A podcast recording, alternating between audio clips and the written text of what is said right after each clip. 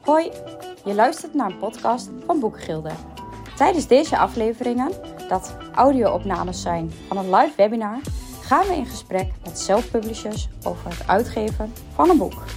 Goedemiddag allemaal, welkom bij het webinar van vandaag. Goed, even kijken, er zijn nu 21 mensen online. Velen bekijken tegenwoordig achteraf de video, um, maar ik ga ervan uit dat er nog wel wat meer mensen online komen. Welkom bij dit webinar. We gaan vandaag uh, in gesprek met Thijs. Thijs heeft een mooi boek geschreven waar hij jullie zo meteen over uh, zal gaan vertellen. voor de mensen die vandaag voor het eerst meedoen, als het goed is zie jij in beeld de privéchat. Dan mag je me wel even laten weten of je ons goed kunt zien en mij op dit moment goed kunt horen. Dus kun je dat via de privéchat laten weten. Kijk, alles oké, prima, fijn. Mooi.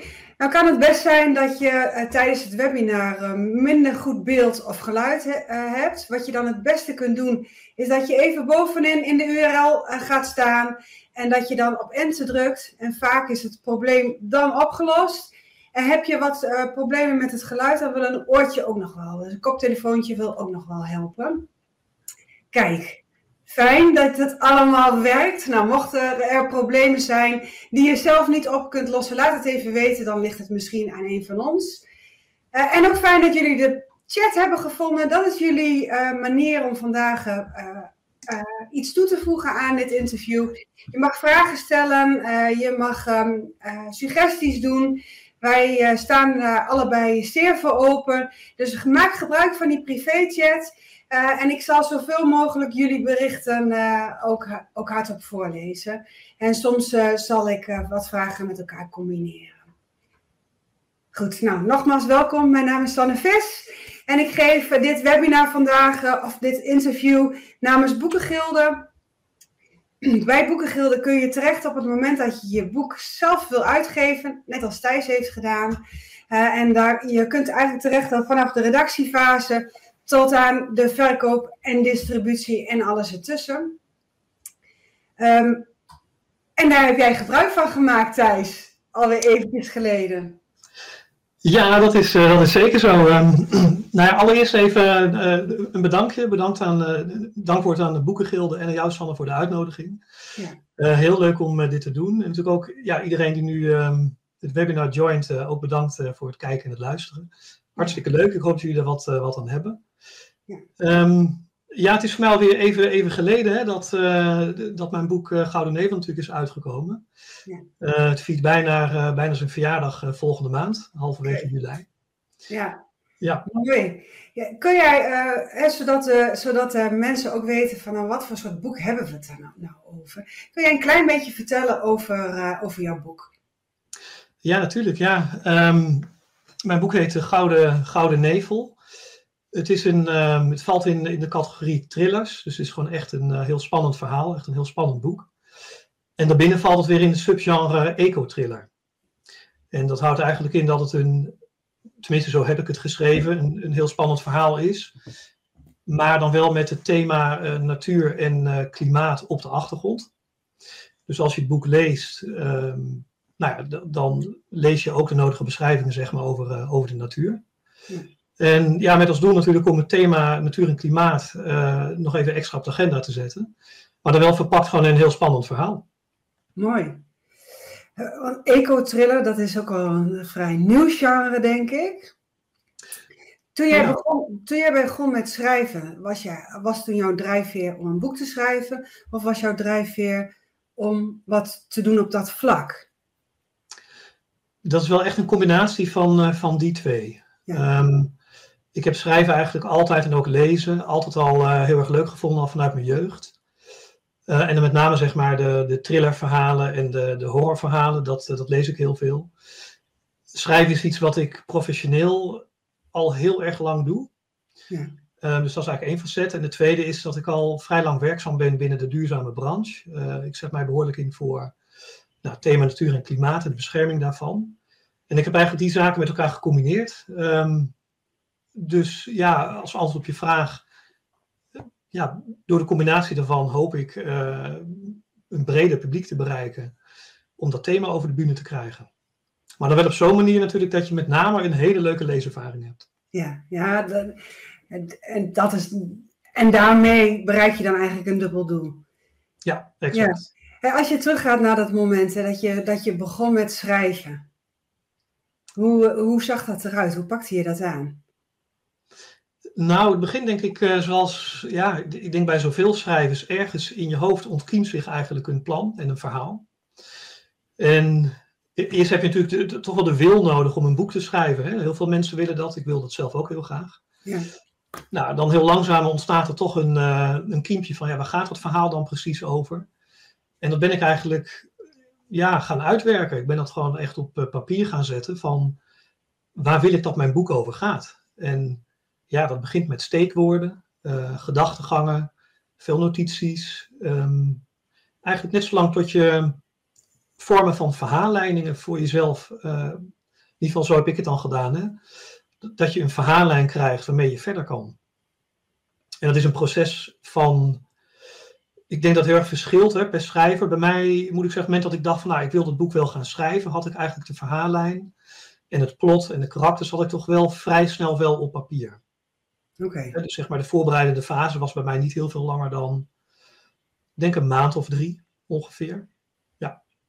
En toen, uh, want, want hoe moet ik dat dan voor me zien? Uh, uh, je, je had personeel. Sanne, bij mij valt het geluid valt momenteel weg. Oh. Ja. Weer? Ik hoor het weer, ja. Ja? Hoe, hoe moet ik dat voor me zien? Had jij, had jij uh, dat soort bouwstenen eerst uitgewerkt voordat je daadwerkelijk begon met het schrijven van het boek? Ja, het is, in die zin is dat wel, wel interessant, omdat um, ik kan me herinneren dat ik helemaal in het begin, toen ik ermee begon, toen had ik een aantal bouwsteentjes op papier staan. En toen ben ik eigenlijk vrij snel uh, gaan schrijven. Hè? Dus gewoon echt met het verhaal zelf. En ik kan me nog herinneren dat ik ongeveer een pagina of twintig in Word had. Nou, wat best lekker las en volgens mij ook een, een aardig verhaal was. Maar ik kwam er toch na een maand achter dat het nergens toe leidde. Oké. En dat heeft er bij mij uiteindelijk toe geleid. Ik dacht van ja, het, het verhaal en de uitwerking is nog onvoldoende. En ik heb dat document ook ehm, virtueel door de shredder getrokken. Uh, dus ik heb die nog ergens op mijn laptop staan, maar ik ben daarmee gestopt. En toen ben ik opnieuw verder gegaan. Toen dacht ik, ja, ik moet hem toch eerst nog veel verder uitwerken. En dat ben ik toen gaan doen. En daar heb ik toen, uh, ik meen een maand of twee ingestoken om dat, uh, om dat beeld helemaal compleet te krijgen. En toen ben ik opnieuw begonnen. En nou ja, dat was voor mij wel een, een eye-opener. Ik dacht van ja, en, en nu, nu gaat het goed. En vanaf dat moment ging het ook in één keer heel goed. wil niet zeggen dat je natuurlijk je hele verhaal al van A tot Z in lood moet gieten. Hè? Dat hoeft helemaal niet. Maar je moet wel een vrij grove verhaallijn hebben. Um, en je moet ook weten waar je eindigt, vind ik. En daarbinnen kun je heus nog wel wat subverhaallijnen maken en, en karakters aanpassen. Ik bedoel, het hoort bij het hele creatieve proces. Maar je moet wel een, een rode draad hebben die echt ergens toe leidt. Mooi. Dus eigenlijk een soort schematische aanpak. Uh, een soort ja. frame waarbinnen je een en ander bent gaan invullen. Ja, klopt. En ja, schema's heb ik inmiddels, uh, zeker voor Gouden Nevel, heb ik daar echt heel veel van gemaakt. Uh, dan moet je ook echt denken aan, natuurlijk, de, de, het gek is dat zeg maar de basisverhaallijn, dat heb je vaak wel in twee, drie à vier wel klaar, hè, met een plot. Ja. Uh, maar dan ga je natuurlijk de subverhaallijnen wat uitwerken. Um, in mijn boek zijn tijdslijnen ook heel relevant, omdat het een, een boek is wat over verschillende continenten en door verschillende landen gaat. Ja. En ja, dat heb ik allemaal heel gestructureerd uh, uitgewerkt, ook met, uh, met de tijdslijnen. Uh, karakters heb ik hele overzichten van gemaakt. Wie zijn het? Wat is hun familie? Um, hoe zien ze eruit? Dat hoef je niet altijd te gebruiken, maar het geeft je wel zeg maar, de houvast, denk ik, die je nodig hebt om daar wat makkelijker doorheen te gaan dat proces. Ja, ik kan me ook voorstellen dat het laatste helpt, ook bijvoorbeeld bij het schrijven van geloofwaardige dialogen. Dat je echt goed ja. je personages kent. Klopt, ja, dialogen zijn denk ik binnen. Um, is dat, dat is weer een hele aparte categorie. Um, die zijn niet zo makkelijk. En dat komt omdat je. Um, toen ik voor het eerst dialogen schreef, ik ben natuurlijk ook debutant, dus ik, ik ben er ook gewoon echt voor het eerst mee begonnen. Hm. Dan begint het vaak allemaal wat zakelijk. En ik kan me nog wel herinneren dat ik daar eens een keer met iemand over had. Um, En die zei van ja, je moet toch iets meer je gevoel induiken van ja, hoe, hoe voel je nou gewoon echt een gesprek en wat zeg je dan precies? Ja. Nou ja, en op zo'n manier probeer je dan die dialogen, zeg maar, uh, ja, realistisch te maken. Misschien minder gepolijst. Minder gepolijst en ook hoe de gesprekken gaan. Hè. Je hebt vaak, ja, misschien sommige mensen wel, maar in een gemiddelde dialoog uh, geef je elkaar ook de ruimte om zeg maar, het een en ander te zeggen. En dan heb je niet een hele pagina aan een monoloog staan. Hè. Dan is het geen dialoog meer. Nee, nee. En dat zijn allemaal dingen wat je uit moet puzzelen van wat voor type gesprek heb je op dat moment. Is het zeg maar net even een spannende verhaallijn, want dan zijn de dialoog natuurlijk veel korter. Ja. Of zit je net even in een rustig moment waarin je wat, uh, wat uit wil leggen. En waarin de hoofdpersonen of de, de karakters wat meer tijd hebben om een gesprek te voeren. Ja. En zo polijst je dat inderdaad dan, dan verder. Ja. In hoeverre ben je tijdens het schrijven bezig geweest met je lezer? Um, eigenlijk ben ik daar de eerste periode niet mee bezig geweest. Uh, het was voor mij ook een beetje een sprong in het diepe, moet ik eerlijk zeggen. Ik denk dat je in de, in de eerste periode dat je met je verhaal bezig bent, dat je vooral bezig moet zijn met dat verhaal. Ja. Uh, probeer, nou in die zin dat je natuurlijk wel moet bedenken van wat voor type verhaal schrijf ik en wat wordt mijn doelgroep. Dat zijn echt wel gedachten die je, nou, die je nader kan verkennen. Maar je moet je denk ik niet al, al te veel daarop gaan richten. Ik denk dat je met name je creativiteit ook moet laten vloeien. Uh, en je moet richten op, op jouw verhaal. En je niet te veel laten afleiden of verstoren door allerlei randzaken die, waar je misschien nog helemaal niet zoveel invloed op hebt. Dus ja, ik heb wel wat, in die zin wel wat aandacht voor de lezer, maar dat zit er met name op de gedachte van, wat gaat misschien mijn doelgroep worden en kan ik daar dan wat mee? Maar ik ben daar niet de hele tijd mee bezig geweest. Nee. nee. Suzanne vraagt, wie is jouw doelgroep? En hoe ben je er toe gekomen, tot die doelgroep gekomen? Ja, ja ik, ik denk dat omdat mijn boek een eco-thriller is, zitten daar eigenlijk twee aspecten zitten daarin. Eentje is dat het een thriller is. Nou, de kern van een thriller is dat het ontzettend spannend moet zijn. Uh, dat is waarom mensen thrillers kopen. Ja. En daarnaast zit er ook een, een thema, thematiek in wat ziet op, op eco. Hè. Dat, bij mij is dat dan met name natuur en ook uh, klimaat. En dat is natuurlijk een hele interessante vraag, want ga je, ik heb natuurlijk ook wel gedacht van ja, waar ga ik me dan op richten? Zijn dat de mensen die wat meer houden van natuur en, en eco en klimaat en hoe vind je die dan eigenlijk? Hm. Of richt je je eigenlijk op ja, gewoon echt het thrillerpubliek, mensen die thrillers willen lezen? En ik moet zeggen dat ik daar niet een hele duidelijke keuze in heb gemaakt. Wat ik op een gegeven moment wel echt merkte is dat om zeg maar de groepen te definiëren, zeker een groep die van natuur en klimaat houdt, dat is nog best wel moeilijk. Ja. Want je schrijft een boek, hè, dus je biedt een boek aan. Um, en één ding weet je wel, dat is dat als je een thriller schrijft, dan is zeg maar de groep die boeken leest, aan zich boeken leest, die is natuurlijk makkelijker te vinden. Ja. En tegelijkertijd uh, is het aanbod voor die groep ook groter. Aanbod is veel groter en wat je heel erg merkt, hè, want op het moment dat je natuurlijk uh, een boek hebt uitgegeven, dan het, leuke daarin is dat je hebt zelf een verhaal bedacht, uh, je zorgt dat dat uh, bij een publiek terechtkomt en eigenlijk gaat dan je boek en je verhaal ook pas leven. mensen gaan wat, hè, je lezers gaan wat vinden van dat boek en lezen daar dingen in, zien daar dingen in. En wat ik zelf bijvoorbeeld heel veel terugkrijg is dat, um, dat ze mijn boek voor een deel ook zeg maar, zien als een reisverhaal. Uh, waarin je ook gewoon mooie beschrijvingen zeg maar, van de natuur erin leest. En ik denk dat binnen zeg maar, de, de, de, de groep lezers die van spanning houden, dat daar inderdaad een groep aan het ontstaan is die um, dit type boek gewoon heel leuk vindt. Ja. Maar om vooraf die groep te vinden, dat is nog best wel moeilijk, denk ik. Ja. Ja. Ik vind dit, uh, dit uh, onderwerp doelgroepen nog wel interessant om, uh, om even terug te halen als we het zo ook over de marketing gaan hebben.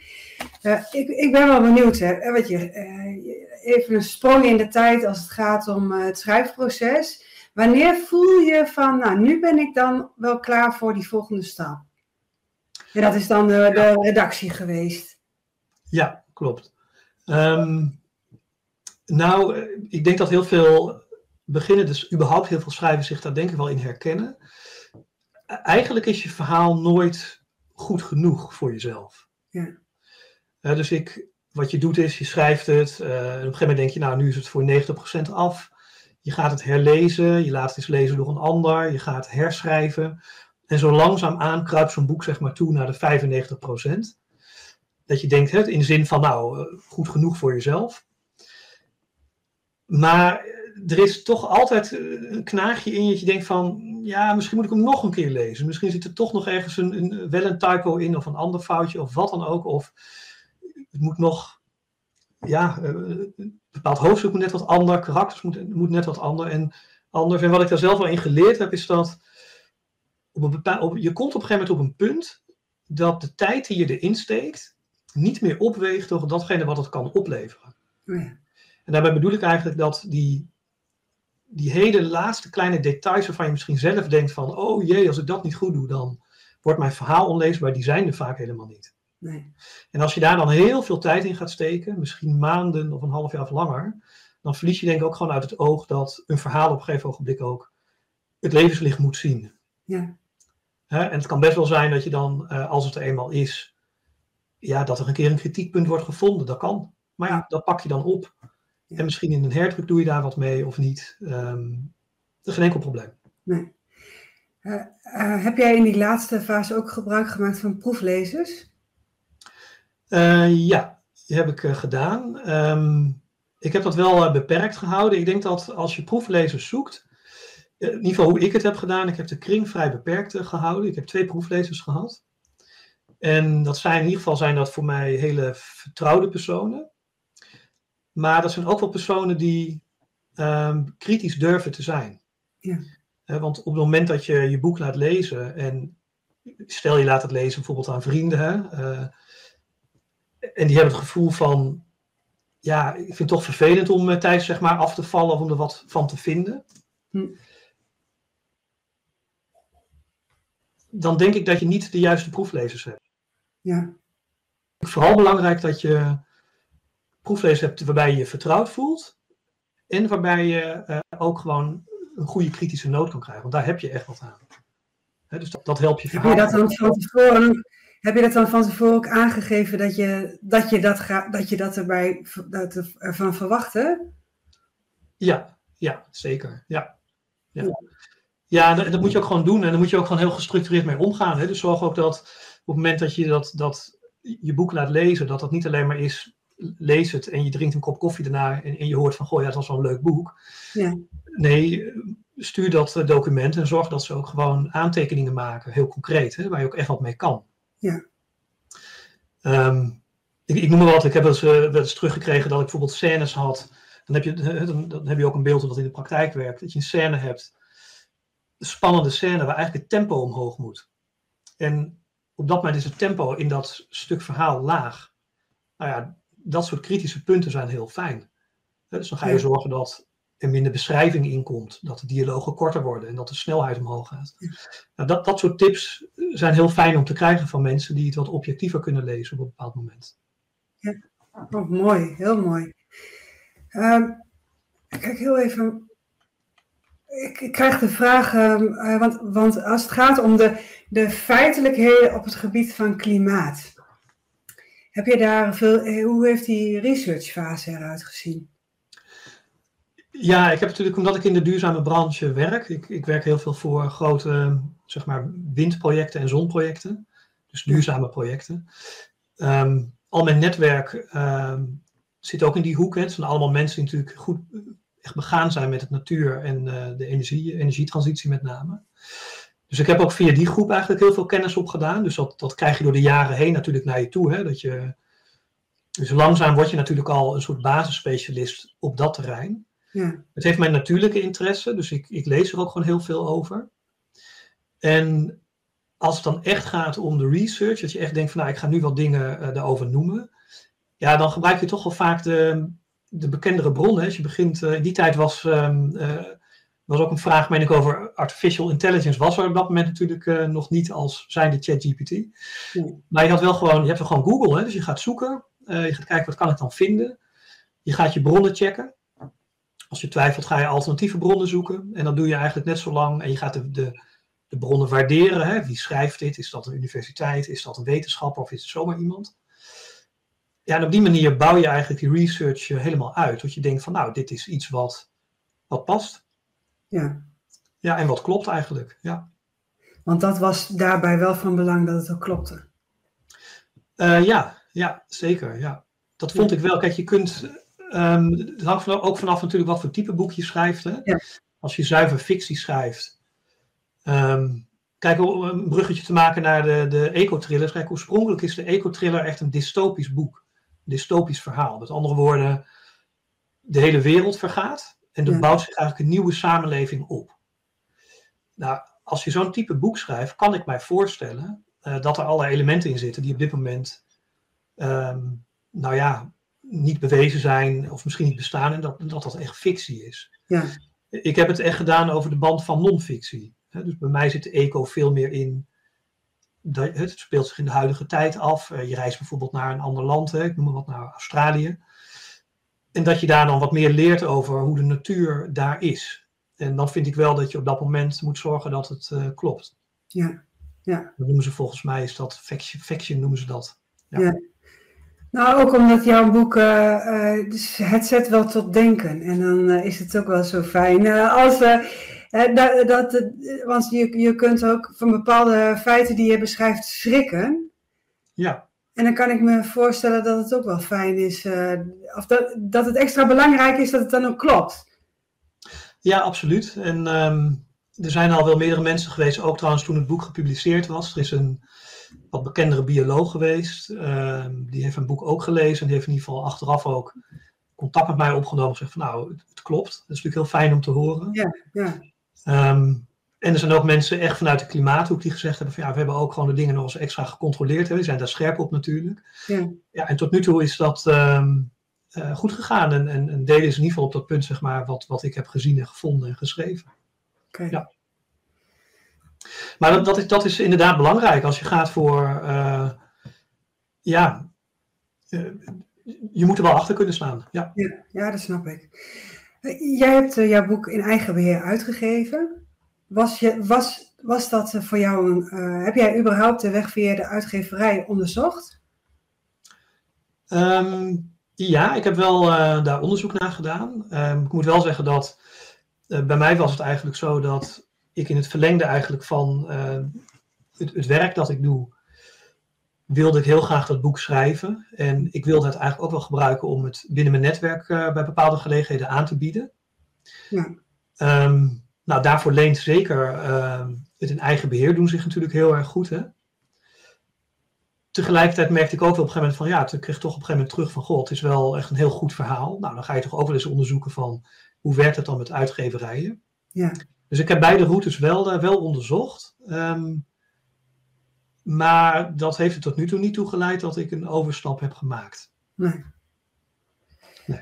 Want hoe, hoe, erv- hoe, ervaar je, hoe ervaar je dat, dat je je boek in eigen beheer eh, hebt uitgegeven? Ik, ik hoor ook wel eens van auteurs die dat doen, die het gevoel hebben dat ze met 1-0 achter staan. Hoe, hoe Ja. gaat het voor jou? Ehm, ik, ik denk dat dat heel erg afhangt door wiens bril je kijkt. Ja. Ik denk dat als je vanuit de bril kijkt van bepaalde groepen, ehm, misschien wel de grote uitgeverijen, misschien wel bepaalde recensenten, bepaalde eh, media, eh, dan heb ik daar zeker wel geluiden gehoord dat ze wel heel kritisch kijken naar self-publishers. Ja. Omdat ze daar misschien een beetje van uitgaan dat de kwaliteit daar anders is dan, eh, dan daar Ja, als je echt vanuit de bril gaat kijken van, ja, misschien wel vanuit de self-publishers, hè, die zien dat natuurlijk heel anders. Want er zijn Ja. heel veel manieren om ja, de kwaliteit te genereren die ook zit bij de grote uit, bij de uitgeverijen. Da- Ja. Daar zit ook veel kwaliteit, hè? ja, daar ja. kan ik ook wel eerlijk in zijn. Ja. Maar er zijn heel veel manieren om eh, eenzelfde type producten te, te maken, type boek. En hoe heb jij voor jou, eh, bij jouw boek die kwaliteit, eh, hoe ben je dat gaan waarborgen? Ehm, ja, door, je kunt eigenlijk op een heleboel manieren kunt u de kwaliteit in je, in je boek brengen. Ja. Het begint natuurlijk met, met jezelf. Hè. Je moet zelf dat verhaal schrijven. Schrijven is iets wat je, ja, denk ik, wat je goed ligt. Eh, moet je wel liggen schrijven, dat is wel een heel belangrijk iets, dat je het met veel plezier doet. En dat je ook kritisch naar jezelf blijft de hele tijd. eh, om maar te zorgen dat het verhaal dat je hebt ja, steeds wat beter wordt. Hè? En dat houdt in mijn ogen in, als het puur om het schrijfwerk gaat, schrijven, herlezen, aanpassen, herlezen. Nou ja, dat hele traject, dat moet je ook gewoon leuk vinden. Ja. Dus daar zit al een behoorlijke kwaliteitsborging in. Nou, dan komt er een punt uh, dat jouw verhaal in jouw ogen af is. Nou, dan heb je natuurlijk proeflezers die mee kunnen gaan kijken. Dus dan heb je weer uh, wat extra input en kwaliteit erbij. En dan komt er denk ik het moment dat je een, uh, een redactrice erbij moet halen. Nou, dan weet jij alles vanaf zo. Um, omdat een, een redactie is, heeft meer aspecten. Ik bedoel, een, een, een, een, redactie kijkt ook naar hoe het taaltechnisch is geschreven. Ja. Hoe de verhaallijn technisch loopt. Uh, de punten en de komma's. Um, allerlei zaken waar je zelf soms niet meer op let. Nee. He, dus je, je verhaal laten redigeren is denk ik een hele belangrijke stap. Ja, en dan is op een bepaald ogenblik is het verhaal natuurlijk gewoon af. En dan denk ik dat je, dat je een bepaalde mate van kwaliteit hebt bereikt. Ja. Ja, en dan moet je natuurlijk zorgen dat het ook een, de vormgeving ook uh, de nodige aandacht krijgt. He, want als je een boek, om welke reden dan ook eigenlijk, uh, ja, bekend wil maken binnen het publiek, bij je publiek, dan dan moet die vormgeving goed zijn. Het moet passen bij het verhaal. Uh, het, het, ja, mensen moeten ook een beetje het gevoel hebben van wauw, dat, dat ziet er mooi uit. Die, hoe heb je, hoe heb dat aangepakt? Ben jij, ben jij met een, had jij, had jij daar, heb je daar zelf een idee voor aangedragen? Hoe heeft dat proces eruit gezien? Uh, ja, ik heb daar zelf best wel veel, veel invloed op, uh, op gehad. Um, ik heb natuurlijk gewerkt met, met een vormgever. En eigenlijk was de samenwerking daar zo dat, ja, dat ik zelf met, moet me even een soort van moodboard, zeg maar, uh, zou komen. Ja. En dat betekent heel ja, je kent je verhaal natuurlijk zelf het beste. En je gaat natuurlijk zelf ook ideeën ontwikkelen en kijken van, nou ja, wat, wat, wat voor type plaatjes passen daar zeg maar goed bij? Wat wil ik uitstralen? Um, nou, dat verzamel je bij elkaar en dat overleg je dan natuurlijk met een vormgever. En een vormgever kan daar zijn eigen input natuurlijk ook op geven. Ja. En in mijn geval leidde dat ertoe dat je dan, ja, bij wijze van spreken, iets van vijf of misschien wel meer covers in concept krijgt aangeboden. Nou, zodat je wat te kiezen hebt, zodat je ook daar je ideeën zeg maar, weer over kan, uh, kan vormen. Maar ook dat er wat nieuws bij komt. Hè? Want je denkt natuurlijk zelf dat je alles wel weet. Ja. Um, maar ook daar kwamen weer allerlei nieuwe dingetjes bij. Ik dacht van, hé, hey, dat, dat is leuk, goed gevonden. Weet je, mooi. Ja.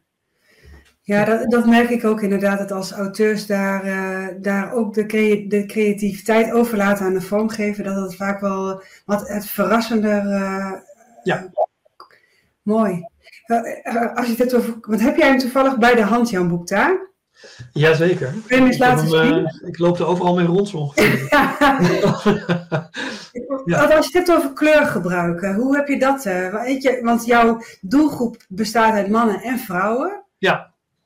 Hoe, uh, hoe heb je daar keuzes in gemaakt? Ja, um, nou kijk, wat, wat, wat wel helpt is natuurlijk dat je ze. Nou, ik, vind het best wel lastig, omdat ik ben heel, heel veel. ben echt gaan zoeken naar uh, foto's. Ja. Via bepaalde databases kun je gewoon op zoek gaan naar foto's. En je zoekt dan ook natuurlijk naar. Ja, je gaat ook simpelweg uh, de zoektermen combineren. Hè, van wat, noem maar wat spannend verhaal, eco, allemaal dat soort zaken. Ik had de titel Gouden Nevel, probeer een beetje in te vullen. En dan merk je eigenlijk wel dat je ook wel bepaalde foto's treft. Je van, hé, hey, dat, um, dat trekt me gewoon aan. Ja. Er zit ook een soort gevoel in. Dat je denkt, hé, hey, dit vind ik gewoon mooi. En ik vind het, uh, het past een beetje bij wat, wat ik zoek. Het is niet helemaal rationeel uit te leggen eigenlijk. Nee. Maar door het proces ga je dan helemaal heen. Ja. Ja, en als je dan bijvoorbeeld uh, een, een, plaatje hebt gevonden, van je denkt van nou, dat vind ik mooi, dan ga je ook met je vormgever praten. Ja. En die komt er met een aantal voorstellen. Um, wat, wat wel leuk is om te weten, zeg maar, bij, bij mijn boek, is dat daar kun je gaan. Kijk, het is een eco-thriller. Hè? Je kunt daarop. Je kunt aan de ene kant denken van ik ga heel erg leunen op de spannende kant, omdat het een thriller is. Hm. Je kunt ook gaan leunen op de eco-kant. En dat was bij mij, heb ik daar wel een beetje in dubio gezeten. Van, want zeg maar de covers die wat meer bij eco passen, die zijn toch iets rustiger. Ja. In, in kleurzetting wat lichter, wat rustiger. En de covers die bij de spannende kant pasten, die, nou, zoals je nu ziet, die, die zijn wat indringender en wat, in mijn geval wat donkerder. Ja. Dus er was best wel een hele principiële keuze. En ik heb daar zelf uiteindelijk gekozen om echt, omdat het ook een heel spannend boek is, om echt voor die, uiteindelijk voor de, zeg maar even, de echte thriller cover te gaan. Ja. Nou, zodra je dan die plaatjes hebt, ja, dan heb je natuurlijk ook, de- de- er moet een bepaald lettertype worden gekozen. Eh, die letters moeten, qua kleur moet dat en typering passen natuurlijk bij eh, het plaatje dat je hebt uitgekozen.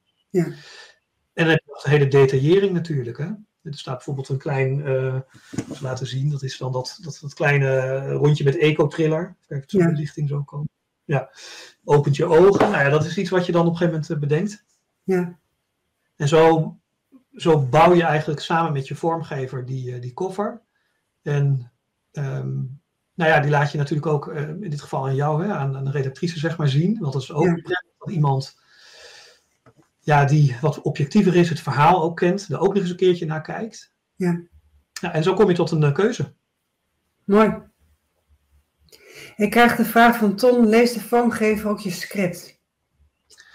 Ehm, nee, een vormgever. Nou, misschien zijn er vormgevers die dat doen. In mijn geval niet. En wat ik gedaan heb is, ook in overleggen, dat je wel vertelt waar natuurlijk je verhaal over gaat. Ja. En dat is natuurlijk aan de ene kant eh, is dat de samenvatting van je boek, om het zo maar te zeggen, wat op de achterkant staat. Maar je kunt ook daarbinnen wel gewoon echt een paar elementen benoemen die je gewoon belangrijk vindt. Hè, die, die, die toegevoegde waarde in jouw boek hebben. Ja. Nou, en die eh, breng je over aan de vormgever. En vaak is dat denk ik wel voldoende voor een vormgever om een goed gevoel bij het boek te krijgen.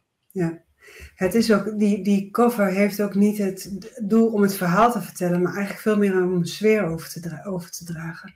En Ja. ik hoorde jou net ook zeggen dat dit, die foto, die afbeelding op jouw cover heeft een bepaald gevoel. Ja, dat is, dat is, dat is eigenlijk eh, wat, wat een, de functie van een cover. Want Ja. elementen uit het verhaal worden vaak toch niet door de lezer begrepen die het nog niet heeft gelezen. Nee, nee, dat ben ik helemaal met je eens. En Ja.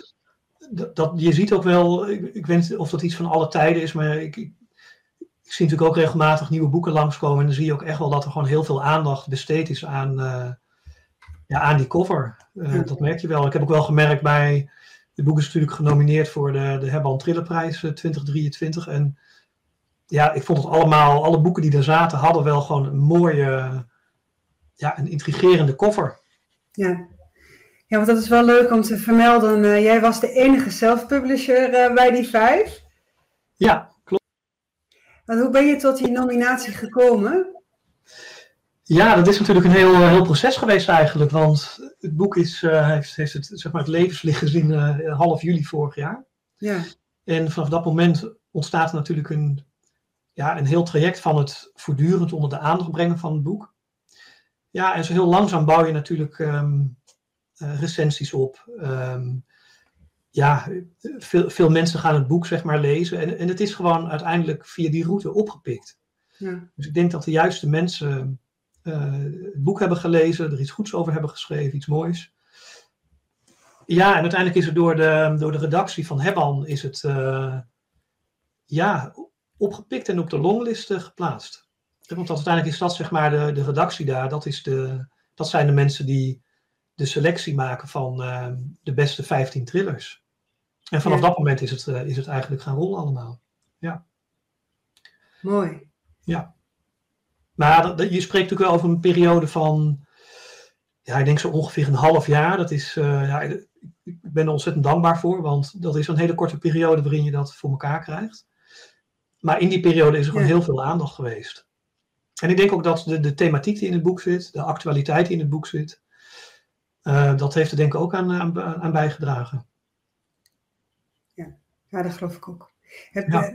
Ben jij actief, heb jij jouw lezers actief gestimuleerd om eh, reviews te schrijven op Hebban? Ehm, nou, ja en nee. Ehm, wat bijvoorbeeld, wat ik wel regelmatig heb gedaan en nog steeds wel doe eigenlijk, is dat je gewoon eh, boeken weggeeft aan recensenten of anderen. En ik vind dat je dan ehm, daar ook wel voor terug mag vragen wat ze ervan vinden. En dat vinden eh, ja, lezers, recensenten vinden het vaak ook ontzettend leuk om te doen.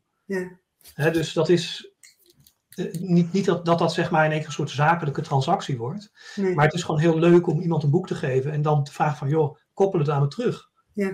En ja, als je tijd en gelegenheid hebt, uh, voelt het absoluut niet als verplichting. Maar er is een forum zoals Hebban. Uh, ja. Op die manier, ja, mensen vinden het heel erg, lezers vinden het heel leuk om, ja, om dan een, een recensie te schrijven. Ja. Um, er zijn ook uh, recensies ja, gewoon van, van lezers die ja, het boek natuurlijk gekocht hebben. En die ken ik niet, die lezers. Die hebben ook gewoon allerlei recensies daar. Vandaar ja. dat ik zei ja, nee. Dat, ja. Je bent er zelf aan de ene kant natuurlijk wel actief in. En aan de andere kant uh, volgen de recensies vaak vanzelf wel.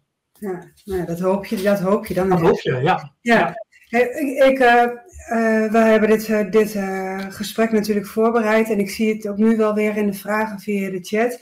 Mensen zijn heel erg op zoek naar wat moet ik doen om. Hè, ja. daar, daar, hadden we, daar, hadden we, het van tevoren over. Ook over, ja, wanneer ben je nou succesvol? Ja. Wanneer ben jij succesvol? Nou, ik, ik vind dat ik zelf succesvol ben als het verhaal dat ik wilde schrijven um, naar mijn tevredenheid is. Ja. Ik, ik ben er trots op. Kan ik wel eerlijk in zijn. Ja, het is een heel mooi verhaal. Ik ben trots op het verhaal. En ja, dat is gewoon een heel belangrijk doel voor mezelf geweest. Dus ja. Dat is me gelukt, vind ik in ieder geval in mijn. Het is belangrijk hè, dat je dat zelf vindt. Een heleboel andere mensen kunnen van alles van je boek vinden, maar je moet het vooral zelf vinden. Ja. En, en nou, dat punt heb ik echt wel bereikt voor mezelf. En ik had natuurlijk ook gewoon een, een, het gevoel van, nou, ik wil een extra boodschap overdragen. Um, en dat is de thematiek van natuur en klimaat. En dat het daar wat minder goed mee gaat. Minder, wat minder goed, daar gaat het uh, iets heel goed mee. En die boodschap wilde ik op een, op een fijne, uh, niet belerende manier overbrengen. Ja. Om toch dat steentje even in die rivier te gooien. Waardoor misschien er weer een aantal mensen zijn die denken: hé, hey, dit, hè, ik moet erop letten. En ja. ik denk dat ik dat doel ook heb bereikt. Ja. Uh, en die twee dingen gecombineerd maakt voor mij dat het succesvol is. Maar daarmee raak je natuurlijk ook het punt um, dat je voor jezelf moet nagaan van wanneer vind ik dat ik succesvol ben. Hè? Dat is eigenlijk de vraag die je mij stelt. Ja. Maar dat kan voor iedereen natuurlijk anders zijn. Nou, het valt mij op dat succes vaak gekoppeld is aan verkoopcijfers, aan financi financieel uh, succes. Ja, ja. ja en dat, dat, het kan zijn dat je dat als schrijver heel belangrijk vindt. Dat kan. Ja. ja. Maar ik denk dat je zelf voornamelijk moet gaan kijken van welke waarde brengt dat boek mij? En dat kan van alles zijn. Hè? Het kan zijn zoals bij mij dat ik denk, ik ben succesvol als ik gewoon een mooi boek heb uh, gemaakt waar ik zelf trots op ben en misschien mijn directe omgeving. Het kan ook zijn dat je denkt, ik schrijf een eerste boek en ik wil er misschien wel meer schrijven. En die waarde die haal ik helemaal niet uit winst, hè? zakelijke winst, maar uit een bepaalde mate van publiciteit. Ja. Met andere woorden, je, je bouwt langzaam een lezersgroep op. En dan hoeft zo'n boek helemaal niet winstgevend te zijn, maar dan kan het wel zijn nou, dat je aandacht genereert. En dat, en dat is waarde. En Ja. als het voor je belangrijk is, dan heb je daar ook gewoon je doel bereikt. En heb je succes behaald. Ja. En zo zullen er meer eh, dingen zijn. Ja. En eh, zeg jij daarmee ook, eh, verkoopcijfers zijn voor mij niet belangrijk? Nee, ik, ik houd ook in de gaten hoeveel boeken er ehm, eh, verkocht worden. Ja. Ehm, dat vind ik gewoon leuk, om dat ook gewoon te monitoren. Want Ja. het is, je schrijft een boek en je vindt het hartstikke leuk als iemand je boek leest en je een boek koopt. Ja. Dat is toch een eh, persoonlijke waardering, zo voel ik dat ook echt. Ja. Maar het, ik, in het begin doe je dat trouwens wat meer. Hè? Als je boek net, het, eh, en net is, dan kijk je natuurlijk wat meer naar. Maar mijn tip is wel van zorg dat het niet een obsessie wordt. Hè? Want dat leidt je af van de andere dingen die eh, belangrijk zijn. En niet, en niet alleen maar met schrijven, maar ook, ook van je dagelijkse werk. Hè? Als je 40 keer per dag gaat kijken van is er weer een boek verkocht. Ja. Dan wordt dat obsessief. En ik denk Ja. dat je dat gewoon moet voorkomen. Ja. Het is leuk om te zien, maar ik, ik, eh, en het is leuk als er het nodige verkocht wordt, maar daar, hè, daar blijft het bij mij dan ook bij. Ja, Ja. Nou, en ik, ik zeg zelf ook wel eens, het, het is ook handig om te monitoren of dat wat je doet qua marketing werkt of niet. zeker. Ja, Dus, dus dat, eh, da- daarmee ja, besteed je je tijd en je geld op de goede manier. Dan is het handig om inderdaad in, in- rondom bepaalde publiciteit of, of acties in de gaten te houden wat het effect is. ja. ja, dat is een hele goede aanvulling. Dat, dat ben ik ook echt met je, helemaal met je eens. Ja, Ehm, en dat, dat, dat, is ook iets wat ik inderdaad wel echt doe. uh, dat als je, uh, nou, als je echt zeg maar, ik noem maar wat, een, een, een marketingcampagne doet op Facebook of wat dan ook, dan zijn dat wel even de momenten waarop je dat wat extra scherp in de gaten moet houden. Ja. Um, en dan heb je daar wat sturing op, klopt. Ja. ja. Even een vraag tussendoor, die wordt een paar keer gesteld. Hoe heb jij jouw eerste oplage bepaald? Um, eigenlijk in overleg in dit geval met, uh, met, met boekengilden. Um, ja. bij mij kwam het toch wel neer op uh, ja, hoeveel. Je moet bij jezelf te raden gaan van hoe groot denk je dat jouw eigen netwerk bijvoorbeeld is. Hè? Dat is echt wel een indicator van denk je dat je binnen je eigen netwerk. Hoe, hoeveel boeken denk je dat je aan de man zou kunnen brengen? Dat combineer je met de ervaringen van boekengilden, want zij weten natuurlijk ook van ja, wat voor aantallen uh, worden er verkocht passend bij een betreffende schrijver binnen een bepaald genre. Ja. Nou, en dat combineer je met elkaar. Je kijkt natuurlijk ook gewoon van hoeveel wil ik eh, besteden op een bepaald moment. Nou, die factoren gooi je in een mandje en dan bepaal je een eerste oplage. Ja. Ja. Mooi. je, je, we hadden het net over die doelgroepen. Hè? Je, je zei even heel, heel grof uh, scheiding maakt hij tussen de thrillerlezers en de mensen die geïnteresseerd zijn in in de natuur en het klimaat. Uh, um, ben jij, als je met je marketing bezig bent, doe jij ook voor die verschillende doelgroepen verschillende dingen? Um, nee, wat ik, wat ik wel doe is, um, nou ja, in, in, feite wel een beetje natuurlijk, omdat, kijk, als jij, uh, ik noem maar wat, stel dat je op Facebook een bepaalde campagne wil gaan doen, dan moet je natuurlijk wel gaan kijken van, welke, er zijn allerlei doelgroepen in, hè? welke doelgroepen wil ik bereiken. En als je dat doet, ja, dan, noem, ik noem maar wat hoor, dan, dan vink je aan uh, lezers, uh, boeken, uh, thrillers, natuur. En zo probeer je natuurlijk wel gewoon op dat moment die doelgroepen wat bij elkaar te brengen. Ja. Uh, in feite is natuurlijk de, de eco-groep is een subgroep van de, de spannende lezersgroep, denk ik. Uh, dat hoeft niet per se. Maar zo probeer je natuurlijk uh, ja, die doelgroepen te bereiken. Ja. Um, ja, en, en ik noem maar wat, ik, ik, binnen mijn netwerk zijn er best wel veel brancheverenigingen die zich veel begeven binnen de energietransitie. Nou, daar, daar werken mensen die allemaal bezig zijn met, met klimaat en energie. En vaak ook van de natuur houden. Um, nou, dat is dan weer een hele aparte groep waar, waar ik wel eens een lijntje uitgooi. Ja. Ja. ja. Dus dat probeer je natuurlijk wel. Ja. Ja. Uh, ik krijg, uh, Dorine vraagt uh, kritisch, maar hoeveel exemplaren, waar, waar bestond je, uit hoeveel exemplaren bestond jouw eerste oplage dan? Mijn eerste oplage bestond uit duizend exemplaren. Ja, mooi. Ik krijg ook wat vragen over de distributie. Hoe heb jij dat ingericht? Uh, dat loopt uh, helemaal via uh, boekengilden. Ja. En kijk, je natuurlijk een boek uitgeeft, dan wordt er meteen, een, ja, tenminste als je daarvoor kiest, een koppeling gemaakt met Centraal Boekhuis. Ja. Um, dus een deel van mijn boeken staat daar. een deel van mijn boeken staat bij boekengilden. Ja. En ik heb natuurlijk altijd wel een aantal boeken thuis om ook zelf ehm, wat aan marketing te kunnen doen. Of, of gewoon eens een exemplaar weg te geven. Ja. Uh, ik heb daar verder, ja, ik heb daar, uh, ik heb ervoor gekozen om niet, uh, wat ook een optie is, hè, dat je alles zeg maar in je garage of een andere plek op zolder opslaat. Ja. En dat helemaal zelf gaan doen. ik vind dat zelf gewoon onprettig, want het, het, ik heb de tijd niet en het leidt me ook af. Ja. Dus loopt, de distributie loopt helemaal via Boekengilde en Centraal Boekhuis. Ja. Ja, en ik, weet je, dat, dat, dat hangt inderdaad heel erg af van wat voor type boek en, en van hoe je doelgroep zich Ja. uh, beweegt natuurlijk. Uh, bij jou heb ik gezien uh, dat, dat zei je net eigenlijk ook, um, je wil kunnen concurreren met een boek dat door een uitgeverij is uitgegeven. En daarom doe je elke, zet je elke stap op een professionele, professionele manier. Dus ook die distributie. Ja, zeker, ja. Ja. Ja, eh, klopt. Ja. Ik denk dat daar, daar is gewoon echt een parallel. Zo gaat het natuurlijk ook bij, uh, bij uitgeverijen. Ja. En kijk, wat je natuurlijk probeert ook is dat je. Je, je hebt maar zoveel tijd in je leven en, en je Ja. dag. En ik denk dat als je professioneel met schrijven bezig wil zijn, dat je daar ook je focus op moet hebben. Hè? Ja. Want schrijven kost al heel veel tijd. Ik, ik schrijf nu bijvoorbeeld ook gewoon een tweede deel. Dus daar gaat er veel tijd in zitten. eh, in je marketing en PR gaat al de nodige tijd zitten. En als je dan ook nog heel praktisch bijvoorbeeld pakketjes moet gaan versturen met labels, Ja, dat ligt mij gewoon minder. En uh, er gaat dan heel veel tijd in zitten die ik liever op een andere manier besteed. En, en ook natuurlijk nog aan mijn werk. Dus dat heb je ook nog allemaal lopen. ja. Ja.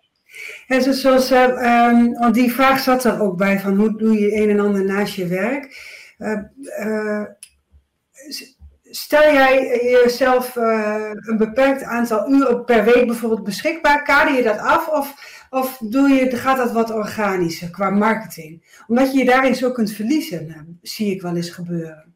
Ja, klopt. Ja, marketing is iets waar je eigenlijk eh, echt wat 24 uur per dag mee bezig kunt zijn. Want, Ja.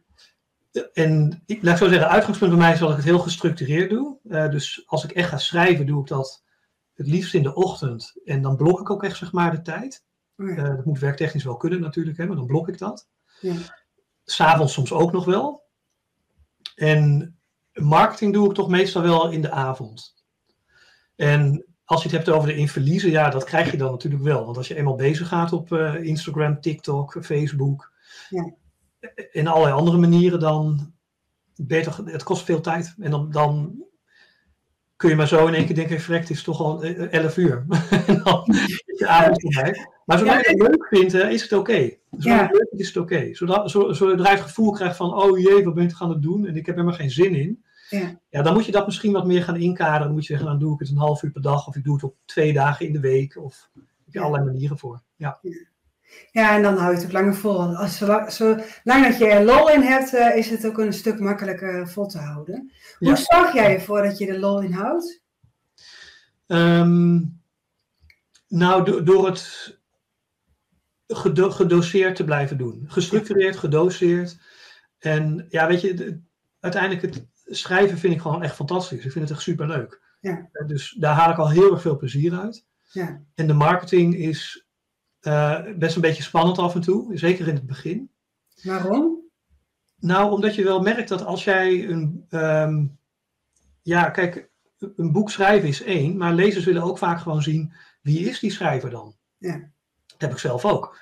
Ik bedoel, ik heb ook mijn favoriete schrijvers. En dan denk ik van, goh, wie is het nou precies? En dan ga je googlen en zoek je een filmpje. Ja. En dat zal bij mij af en toe ook gebeuren. En dat betekent dus dat je zo nu en dan voor een camera moet. eh, of een filmpje moet opnemen. Ja. Of zoals bij mijn uitreiking in Utrecht bij, eh, bij de Herman Trillerprijs. Ja, dan moest ik op het podium met Jaap Jongbloed. Ja. Dat is natuurlijk nogal een naam. eh, en dan word je naar voren geroepen. En dan krijg je vragen die je gewoon vooraf niet, die weet je niet. Nee. En dat is wel een beetje spannend in het begin. Maar het is wel ook alweer ontzettend leuk als je het een paar keer hebt gedaan. Dan krijg je wat meer ervaring erin en dan gaat het eh, steeds beter. Ja. Ehm, en dan, wat ik wil zeggen is, dan haal je daar op een gegeven moment ook plezier uit. En Ja. dat moet je natuurlijk bereiken. Ja. Het is superleuk als je op een gegeven moment een post hebt gedaan en je krijgt daar leuke reacties op. Of je krijgt DM'tjes, eh, persoonlijke berichten met goh, eh, wat gaaf of dit en dit. En dan kun je er echt heel veel plezier uit halen. Ja. Je moet altijd goed beseffen dat mensen jouw boek lezen. Ja. Het is heel bijzonder. Ja. Het is iets wat jij hebt gemaakt. Mensen kiezen ervoor om jouw boek te lezen. Ja. En eh dat moet je waarderen en dan moet je veel plezier uit halen. Ja. Ik hoor jou een paar keer zeggen, je had een aantal keer social media aan. Heeft dat, jouw, heeft dat jouw focus in de marketing? Ja, dat heeft wel een hele sterke focus inderdaad. Ja. Ja. Eh, kijk, ik heb ook wel eh, natuurlijk signeersessies gedaan. En ehm, ook boekwinkels die vinden het... Kijk, het werkt momenteel zo, eh, denk ik, in de markt dat eh, in mijn genre thrillers, die vinden zeg maar ook via de uitgeverijen wat minder makkelijk hun weg naar boekwinkels. De Ja. boekwinkels die hebben natuurlijk wel hun top 10 staan, maar die, die halen ze gewoon uit eh, de standaard rijtjes. Het is ook als uitgeverij niet zo heel makkelijk om daar voortdurend lijntjes nieuw zeg maar binnen te komen. Ja, ja. Nou, datzelfde geldt voor een, als je het in eigen beheer doet, geldt dat ook. Eh, wat wel heel goed kan, is natuurlijk van kijk in je omgeving. Er zijn altijd boekwinkels die het echt heel leuk vinden om jou daar te hebben staan, om boeken te signeren. Ja, ja. Eh, ook omdat je daardoor, zij genereren daar ook, eh, dat is wisselwerking, hè, zij genereren ook aandacht, krijgen ook wat extra mensen in de winkel. Dus voor hun is dat ook gewoon heel leuk. Maar bovenal vinden dat soort partijen het ontzettend leuk om lokale schrijvers even een podium te geven. Ja, ja. En dat kun je dan weer gebruiken. Hè. Zoals je er hebt gestaan, eh, vaak is er weer een filmpje van of een foto. Dat kun je dan weer eh, opnieuw kun je weer gaan gebruiken. Ja. En persbenadering? Uh, persbenadering, ja, ik heb wel, ehm, uh, nou, sowieso in de lokale media, daar heb ik wel regelmatig wat dingen gedaan. Ook regionaal is er inmiddels wel aandacht, uh, aandacht voor het boek. Ja. Maar het valt me wel heel erg op dat dat komt vaak als je boek al wat meer aandacht heeft. Ja. Of je moet een specifieke ingang hebben via iemand. Ja.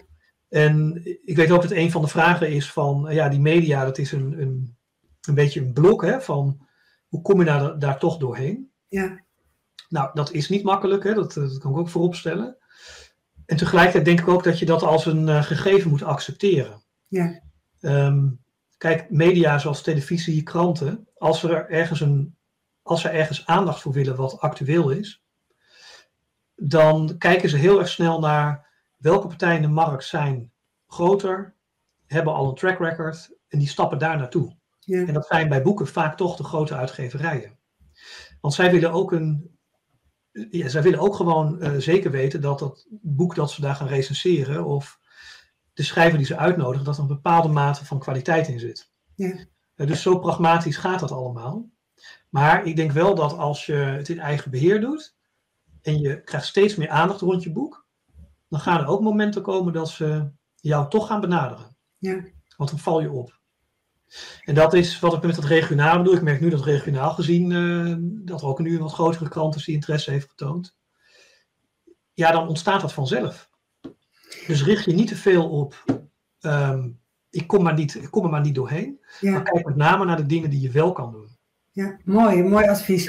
Ja, want daar, en daarmee ga je dus eigenlijk jezelf. Uh, je, je, bent niet alleen bezig met je boekpromotie, maar ook met auteurspromotie. Ja, ja, ja dat is heel belangrijk. In, uh, ook, ook dat kun je natuurlijk wel een beetje afkijken van de grote uitgeverijen. Je ziet natuurlijk dat de bekendere schrijvers, dat die ook allemaal iets wel rondom hun persoon hebben. Ja. En dat is niet alleen daar, maar dat is natuurlijk uh, ook op allerlei andere terreinen van de media of, of, producten die je aanbiedt. Zeker als het gaat om creatieve producten. Um, ja, dus dan, dan kan het heel erg helpen als je jezelf wat in de spotlight zet. En ook gewoon authentiek durft te zijn. Hè? Durf gewoon naar voren te brengen wat je ervan vindt, waarom je zo'n boek schrijft, wat je drijfveren zijn. Ja. Want dat is leuk. Leuk voor lezers om, om dat te zien. Ja. En maakt het ook geloofwaardig. Ja. En Sandra die vraagt, krijg je ook haatberichten? Nee, ik heb tot nu toe... Nee, ik heb tot nu toe dat niet, uh, niet gehad. Nee. Nee. nee, geen één eigenlijk. Nee. Gelukkig. En, en Jan vraagt, uh, heb je al een vertaling naar het Engels? Of bijvoorbeeld naar het Engels uh, overwogen? Ja, dat overweeg ik. ik zit, heel concreet zit ik morgen met een, um, ja, een een, een, bedrijf dat vertalingen doet. Ja. Mooi. Om dat eens te verkennen. Dus het is echt een, uh, een gesprek om eens te verkennen van hoe gaat dat proces en hoe werkt dat eigenlijk. Dus ik heb morgen daar toevallig een, een eerste intake eigenlijk over. Ja. Okay. mooi. Henk Jan vraagt ook, hoe heb jij jouw prijs bepaald? Ja, um, nou ten eerste is het volgens mij zo dat boekenprijs in Nederland, als je een prijs kiest, staat die vast. Ja, het eerste jaar. Dus dat is volgens mij het uitgangspunt. Ja. En nou ja, ik heb eigenlijk hele. De, de, ja, de, ik denk dat je gewoon moet kijken naar wat doet jouw concurrentie.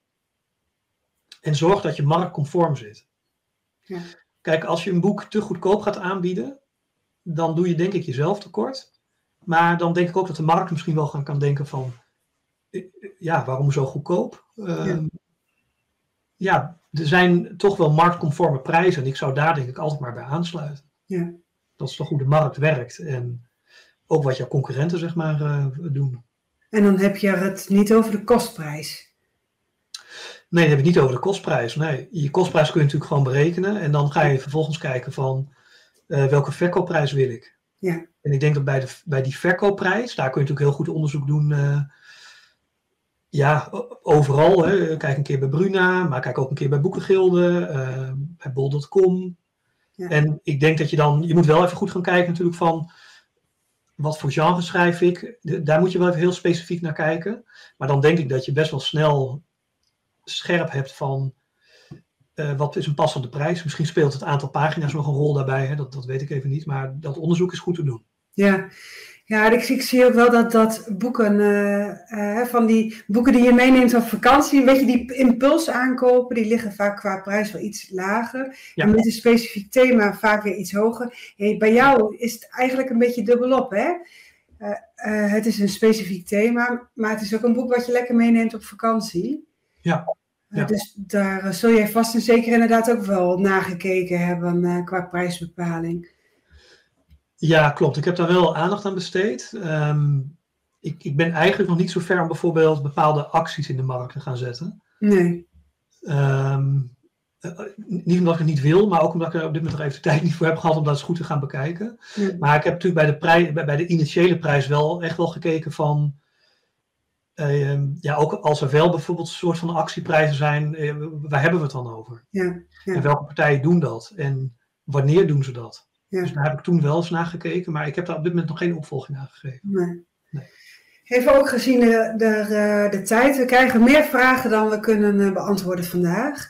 Even, even samenvattend, um, je kijkt terug op je proces. W wat ging um, makkelijker dan je van tevoren had gedacht? Um, wat ik makkelijker vond was. Ik, ik heb het boek in eigenlijk een jaar geschreven. Um, en het hele schrijfproces vond ik uiteindelijk heel erg meevallen. Hm. Ik dacht, nou, dat is dan, ja, je hoort wel van die verhalen van het duurt jarenlang. Nou, daar heb ik in ieder geval geen last van gehad. Het was echt een meevallen, vond ik heel fijn. Ja. Um, wat, wat ik in eerste instantie niet zo scherp had, is dat alles rondom natuurlijk het, uh, de stappen die je moet zetten om het uitgegeven te krijgen. Dus uh, de redactie, de vormgeving, alles wat daarmee verband houdt. En al die detaillering, al dat nitty-gritty, al dat soort kleine dingetjes. Ja. Dat kostte best wel veel tijd. Ja. Wel besteden tijd hoor, dat moet gewoon. Maar dat is wel iets waar, dat, dat viel me niet tegen, maar dat had ik niet zo snel. Ik dacht, ja, als je het verhaal dan af hebt, ja. redigeren. En dan is het misschien uh, met uh, een klap erop binnen twee weken. Nou, dat duurde wel wat langer. Ja. Ja. Zo, wat zou je erbij, want ik hoorde jou net zeggen, ik ben met een uh, vervolg bezig. Daar vraagt het boek ook om, vind ik zelf. Uh, wat, wat, ga je bij dat tweede boek anders doen dan bij het eerste boek? Um, nou, ten eerste, wat ik al nu al gedaan heb, is natuurlijk dat in het hele schrijfproces, de, de, alle verhaallijnen en het plot, dat heb ik nu dus, dat was voor mij echt een leermoment. Dat heb ik nu volledig, heb ik dat uh, uitgeschreven, is helemaal klaar. Hè? Dat, wat ja. ik vertelde, dat bij mijn eerste boek ging dat een keertje mis. Ja. Dus dat levert al heel veel tijdwinst natuurlijk op. Hè? Dat, dan heb je het over maanden. Um, dus dat is echt wel één ding. Ik probeer uh, de karakters nog wat verder uit te werken. Ik denk dat een sequel zich daar ook wel voor leent. Ja. Dus dat is iets wat ik uh, nu ook wel uh, ga doen.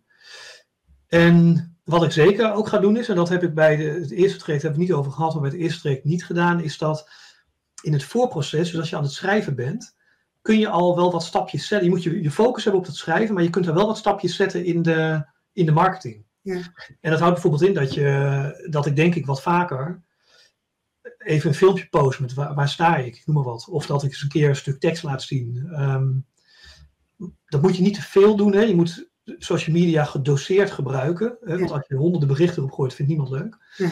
Maar dat je gewoon in de aanloop al laat zien van ik ben bezig, ik schrijf een boek, ik vind het leuk. En dat wat meer opbouwt. En Ja. ik denk dat dat, wil, dat heb ik de eerste keer niet gedaan, maar dat vind ik wel een leermoment, dat wil ik nu wel meer gaan doen. Mooi. Ja, en, Maar en, voor de rest ga ik niet zo heel veel anders doen. Eh, zo, zo- ja, wel heel scherp blijven op die balans wat ik net zei, van stop er uiteindelijk niet zoveel uren in dat het onvoldoende in je verhaal oplevert, maar weet je, wees er gewoon duidelijk naar, naar jezelf toe. Ja. ja, en dat, dat is, maar dat is ook voor, bij zo'n eerste manuscript, je gaat, je gaat zo'n proces door ook van het loslaten eigenlijk. Hè? Ja, ja, De redactiefase al naar de vormgeving, dat was al een, een spannende, dat is altijd een hele spannende fase. En dan, Ja. en dan staat het in de pdf en dan moet het gedrukt worden. Ja. Eh, ook dat is dan een hele spannende vraag. Wanneer is het goed genoeg? ja, dat klopt. En het, het, is ook, het is ook spannend. En eh, op het moment dat je dat. Je hebt, je hebt daar natuurlijk ook gewoon met, je, met, met de professionals eromheen, eh, waarom natuurlijk iedereen rondom in dit geval boekengilden, is het fijn dat je daar ook dat contact over kan hebben. Ja, ja, Ja, dus je kunt op een gegeven moment ook natuurlijk die vraag stellen van hoe, hoe zien jullie dat? Zeker natuurlijk aan een, aan een, eh, aan, aan een redacteur van die kan daar ook wat sturing in geven en Ja. een bepaald comfort geven. Ja. Ehm, ik heb het in ieder geval heel fijn gevonden om die professionaliteit er echt omheen te bouwen. Ja. Dat, dat geeft gewoon rust.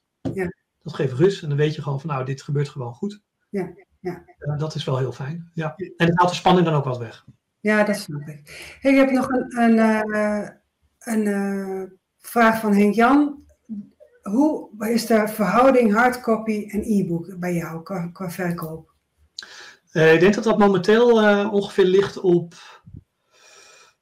Nou, zal zijn. Ik denk dat dat tussen de 5 en, 5 en 10 procent is, denk ik, e-book. Oké, En de rest is ehm hardcopy. Ja, oké. En dat, en dat is eigenlijk, denk ik, ook wel ongeveer wat er momenteel in Nederland speelt.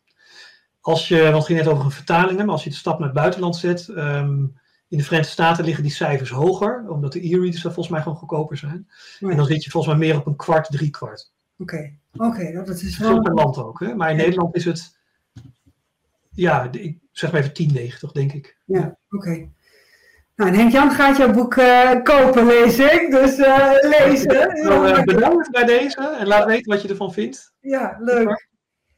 Thijs, ik vond het heel leuk om jou wat vragen te mogen stellen. We hebben niet alle vragen van de deelnemers kunnen stellen, maar het zijn er gewoon te veel. Er zijn Ja. ook wat vragen gesteld over inv- financiële investeringen. Die heb ik bewust niet gesteld, omdat dat van heel veel factoren afhankelijk is. Dus willen jullie daar meer over weten? Ja, vraag dan toch een offerte aan. Want ja, wat ik al zeg, het is van heel veel factoren afhankelijk. Het heeft niet zoveel zin om daar informatie over te delen. Ehm, maar um, nou, er komen mooie reacties binnen. Dus mensen hebben jouw verhaal heel waardevol uh, gevonden, Thijs. Dank Ja, je wel. En um, nou ja, ik uh, ben heel benieuwd ook uh, naar, jou, naar wat je in de toekomst gaat doen. Want ik heb ook ontzettend van jouw boek genoten. Vind je echt een talent wat dat betreft. Dankjewel. Dus fijn dat je vandaag tijd wilde maken om mensen mee te nemen in jouw verhaal. Ja, dankjewel. En, en voor jullie... Sorry? Ja, Boekgilde ook heel erg bedankt. Jij ook heel erg bedankt. Ja. En naar de luisteraars, de, de schrijvers onder de luisteraars wil ik ook echt meegeven. Geniet echt enorm van dat schrijfproces. Het is echt hartstikke leuk. Ja. Um, dus heb daar je focus op. En um, nou, dan hoop ik um, misschien wel wat mooie nieuwe boeken langs te zien komen. Ja, dat, uh, nou, dat hoop ik ook. Allemaal een, uh, heel erg bedankt voor jullie deelname, voor jullie actieve deelname. Fijn, zoveel vragen. En um, nou, hopelijk tot de volgende keer. Fijne dag allemaal. Zeker, dankjewel. Bedankt voor het luisteren naar deze podcast. Droom jij er nou ook van je eigen boek uit te geven? Neem dan een kijkje op www.boekengilde.nl. Tot de volgende keer!